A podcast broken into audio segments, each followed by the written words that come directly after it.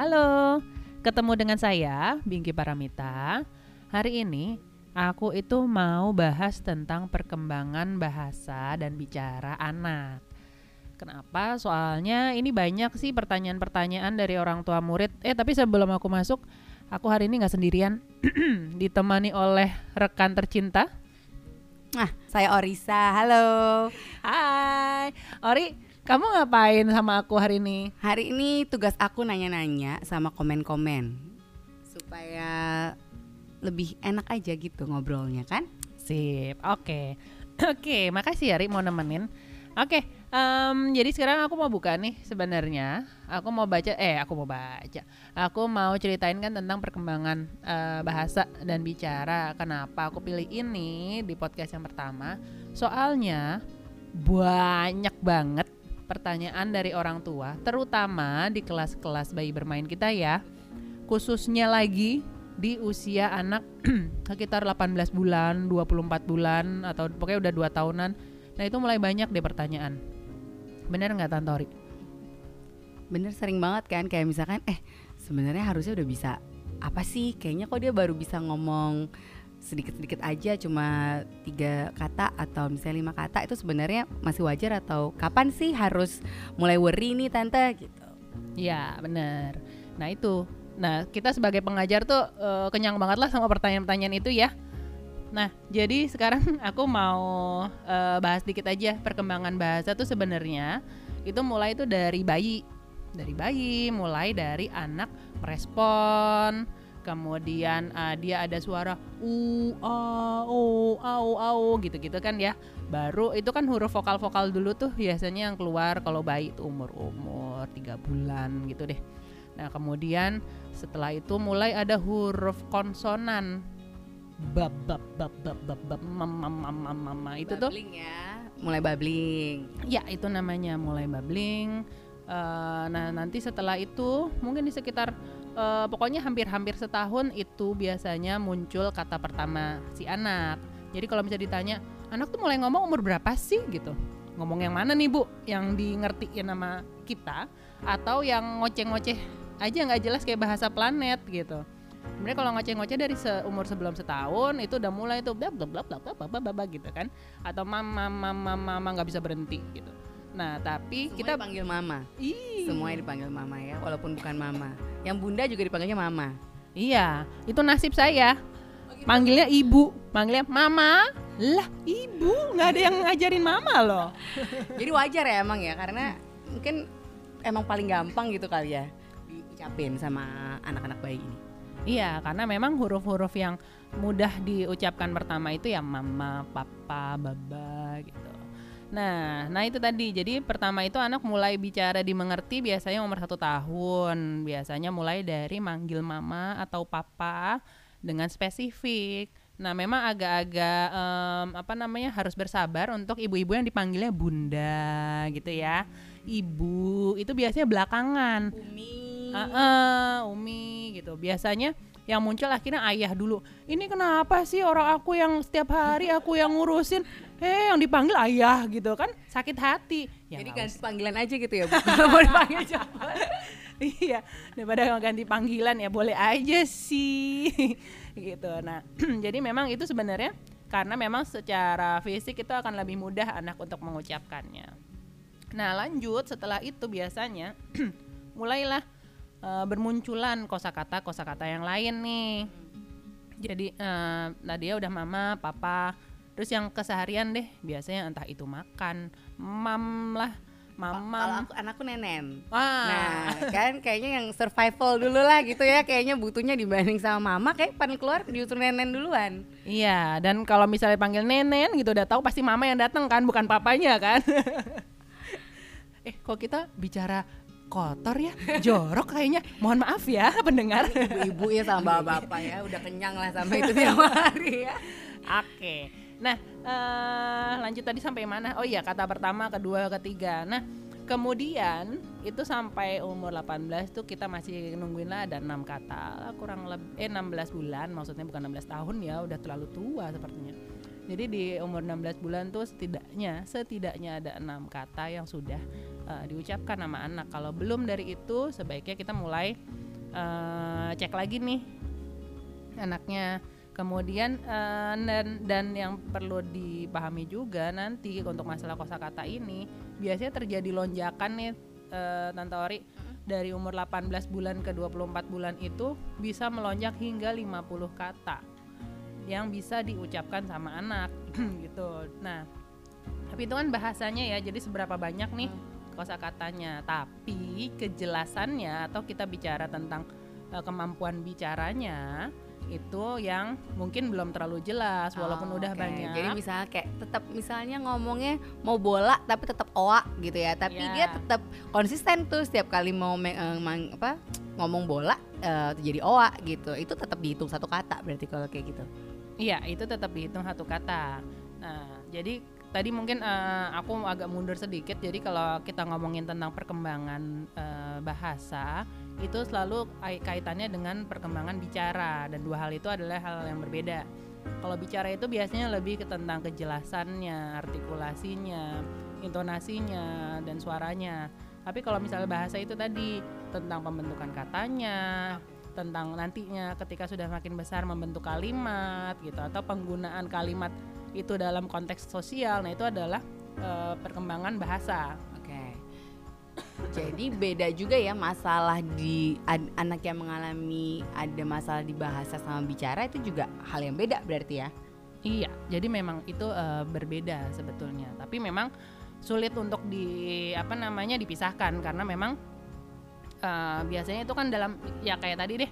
Misalnya kita ngomongin tentang kata bola gitu kan, secara bahasa dia bener nggak nyebut bolanya itu merujuk pada bola, itu berarti kan masalah bahasa. Oke. Tapi ketika dia menyebutnya bola secara jelas ataupun oa itu adalah masalah bicara gitu. Nah, Iya, jadi nanti ketika udah masuk di usia 2 tahun yang diharapkan juga ada kombinasi dua kata. Nah, jadi kalau misalnya tadi kan masih mau eh, masih misalnya num gitu kan. Num atau nen atau apa gitu. Nah, sekarang udah mau misalnya bilang mau susu bola jatuh gitu misalnya. Jadi sudah berusaha untuk membentuk suatu kalimat. Nah, itu yang gampangnya sih ini untuk melihat eh, minimalnya ya ketika umur satu tahun minimal satu kata. Umur 2 tahun itu minimal merangkai dua kata. Ketika udah tiga tahun minimal dia bisa merangkai tiga kata. Empat tahun dan seterusnya gitu. Nah, apa namanya? Jadi di situ juga itu yang kemampuan bahasanya tuh udah bisa menggabungkan menjadi kalimat ya walaupun kalimatnya sederhana. Kalau misalnya nih dia ngomongnya belum bisa, tapi dia diajak ngomong tuh ngerti gitu. Kayak misalnya em, ya eh tolong dong ambilin ini gitu atau enggak kamu mau yang mana makannya gitu. Dia bisa melakukan itu atau enggak minta tolong dong nyalain lampu. Dia tahu nih eh, ke tombol lampu, tapi memang dia belum ngomong. Itu jadi masalah nggak sih atau nggak apa-apa nih kan? Eh, toh ngerti ntar juga ngomong sendiri gitu. Oke, nah ini apa namanya? Jadi memang dalam bahasa itu ada dua hal. Pertama bahasa reseptif dan satu lagi bahasa ekspresif. Nah kalau reseptif itu adalah apa yang kita pahami. Jadi kita menangkapnya seperti apa sih? Ketika indera pendengaran kita bagus, kemudian em, sistem di- kerja di otak juga baik, itu biasanya anak akan menyerap nih banyak hal. Karena kan kita ngomong lingkungan banyak apa namanya stimulasi kemudian itu akan terserap sama anak. Jadi kayak tadi kayak Tante Ori bilang anakku udah bisa nih disuruh matiin lampu gitu kan ya. Atau misalnya suruh ambil bola itu dia udah bisa dia udah tahu mana sih yang bola mana sih yang eh, jeruk gitu misalnya dia tahu bedanya. Tapi kok nggak mau ngomong ya gitu. Karena kalau bicara tadi itu adalah kemampuan bahasa eh, ekspresif which is beda lagi gitu. Nah kalau ditanya kapan itu menjadi wajar kapan itu menjadi tidak wajar balik lagi. Anaknya usia berapa? Gitu. Kalau masih usia satu tahunan oke gitu. Masih kita masih kita masih tunggu nih tadi eh, kan tadi kan udah ada ya red flagnya ya ketika usia 18 bulan kemudian tidak lebih dari enam kata. Nah itu udah mulai harus waspada tuh. Jadi kalau misalnya ngertinya banyak sih tapi kok belum ya gitu. Ya udah ditunggu bisa tapi sambil nunggu kita harus stimulasi lebih banyak lagi di rumah gitu. Stimulasinya eh, apa namanya yang paling mudah adalah ya mengajak bicara gitu. Karena kan eh, kemampuan bicara itu kan memang eh, apa namanya kemampuan yang kita mem- membutuhkan kemampuan mendengar, menangkap, kemudian kita cerna ketika sudah bisa kita ucapkan kembali gitu ya. Jadi kita ajak bicara, ketika kita ajak bicara nanti ada nih ibu-ibu yang nanya, "Tapi aku udah cerewet banget loh tante" Ah, gitu kan ya. kok nggak Heeh. tiru-tiru gitu ya masih gitu itu gimana tuh atau Nah. kalau cuma niruin doang gitu misalnya kayak em, apa ya misalnya ditanya oh mau apa apa gitu gimana Nah, itu beda lagi nih tante. Oh, lagi. Jadi kalau misalnya ya? yang ha jadi kalau misalnya kita coba cek dulu yang yang tadi, Ak- eh, ibunya udah cerewet banget. Nah, coba kita cek cerewetnya jangan-jangan emang kelewat cerewet sehingga anak tidak mendapatkan kesempatan untuk bicara. oh, oke Jadi kalau misalnya mau ngomong itu kita juga perlu kasih jeda ya untuk si anak merespon Oke. atas pembicaraan eh, yang sedang dilakukan. Eh, jadi anak juga tahu nih, misalnya kita nanya, eh ada yang mau makan apa? Mau makan jeruk, mau makan apel, atau mau Ah, makan ini? Ini ada nih, mama um, ambilin, mama kupasin ya, um, gitu. Nah anaknya belum ngomong, eh, gitu. oh enggak ya bisa tantrum anaknya kan? nah, gitu. Jadi memang itu juga hati-hati ya. Jadi kadang-kadang karena kita merasa anaknya eh, masih belum bicara, ya udah kita aja terus yang ngomong gitu kan. Padahal mungkin kita butuh untuk sedikit tenang dan eh, apa namanya eh, untuk menunggu mereka merespon. Eh, eh, kita nunggu nunggu itu jangan cuma sedetik dua detik ya. Ada yang mau makan? Enggak, mau enggak? Mau enggak? gitu. Nah, aku udah nunggu loh tante gitu kan. ya, tapi kita nunggu setidaknya 10 detik. oh lama juga ya kamu Iya. mau makan empat, kayak gitu kan. eh kok pergi Bisa jadi, nah, kita lihat kalau misalnya atensi sudah ada, itu bisa, makanya atensi perlu dijaga gitu. Nah, kemudian trik yang lainnya, kalau anaknya belum mau ngomong, kita kasih pertanyaan tertutup Mhm. atau pilihan mau ada yang mau makan apel apa jeruk gitu kan. Mhm. Nah, supaya dia bisa tahu nih kira-kira pilihannya emang cuma dua. Jadi dia untuk mengolah di otaknya tuh nggak gitu ya untuk ngeluarin katanya tuh apa Iya gitu. Nah kadang-kadang kita cuma keluarnya dan anaknya misalnya cuma keluarnya uk gitu kan. Mhm. Oh oke gitu. Berarti emang dia sudah mulai merespon. Nah mungkin satu pertanyaan terakhir kali ya, entah ya tadi kan bilang kapan nih udah harus mulai khawatir. Nah kadang-kadang ada yang tanyanya juga tuh banyak yang tanyanya eh, bisa distimulasi di rumah aja atau harus sampai dibantu sih dengan entah semacam terapi atau eh, seperti apa gitu, itu gimana juga ya tahunnya tentang Oke. eh, kalau untuk kapan kita harus terapi atau misalnya bisa di rumah aja, itu pertama tadi kita lihat dulu sih ke misalnya dari dari dari milestone-nya dia sudah eh, sejauh mana. Ketinggalan nih misalnya oke ada ketinggalan atau yang ah, hampir atau baru ketinggalan sedikit atau sudah jauh gitu kan.